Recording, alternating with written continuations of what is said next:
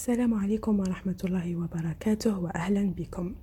البسي تاعك بودكاست راح نرافقكم فيه أنا نجاة أخصائية نفسانية عيادية باش نبنيو قاعدة علمية في علم النفس ونستغلو هذا العلم لصالحنا. نستغلوه في حياتنا اليومية في بناء وتطوير شخصيتنا في تحقيق نوع من التوافق والرفع من جودة الصحة النفسية.